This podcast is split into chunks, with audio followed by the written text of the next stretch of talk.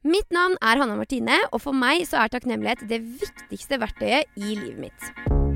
Det gir meg perspektiv, det gjør at jeg holder beina planta på jorda, og det gir meg overraskende mye lykkefølelse. I denne her podkasten vil jeg finne ut om de mest privilegerte av oss, nemlig kjendisene, ser hvor heldige de egentlig er det folk er mest utakknemlige for, er jo relasjonene sine. At man kanskje har noen som bryr seg veldig mye om deg, og så ødelegger man det for man er destruktiv sjøl, f.eks., som jeg har gjort.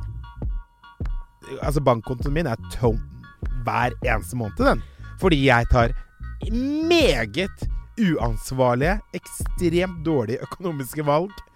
Lois Vitois og Gucci og Prada og alt mulig piss som gir meg kortvarig glede. For et innholdsrikt liv med masse oppmerksomhet, fester og gratis ting.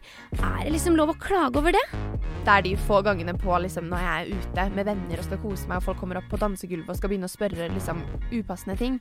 Det er jeg utakknemlig for. Man blir så fort godt vant, da. Mm. Og samme er det med den graviditeten. Man er sånn Jeg har gjort det tre ganger før. Jeg er lei av å ha gravid kjæreste. Det er så kjedelig! Hun er så hormonell!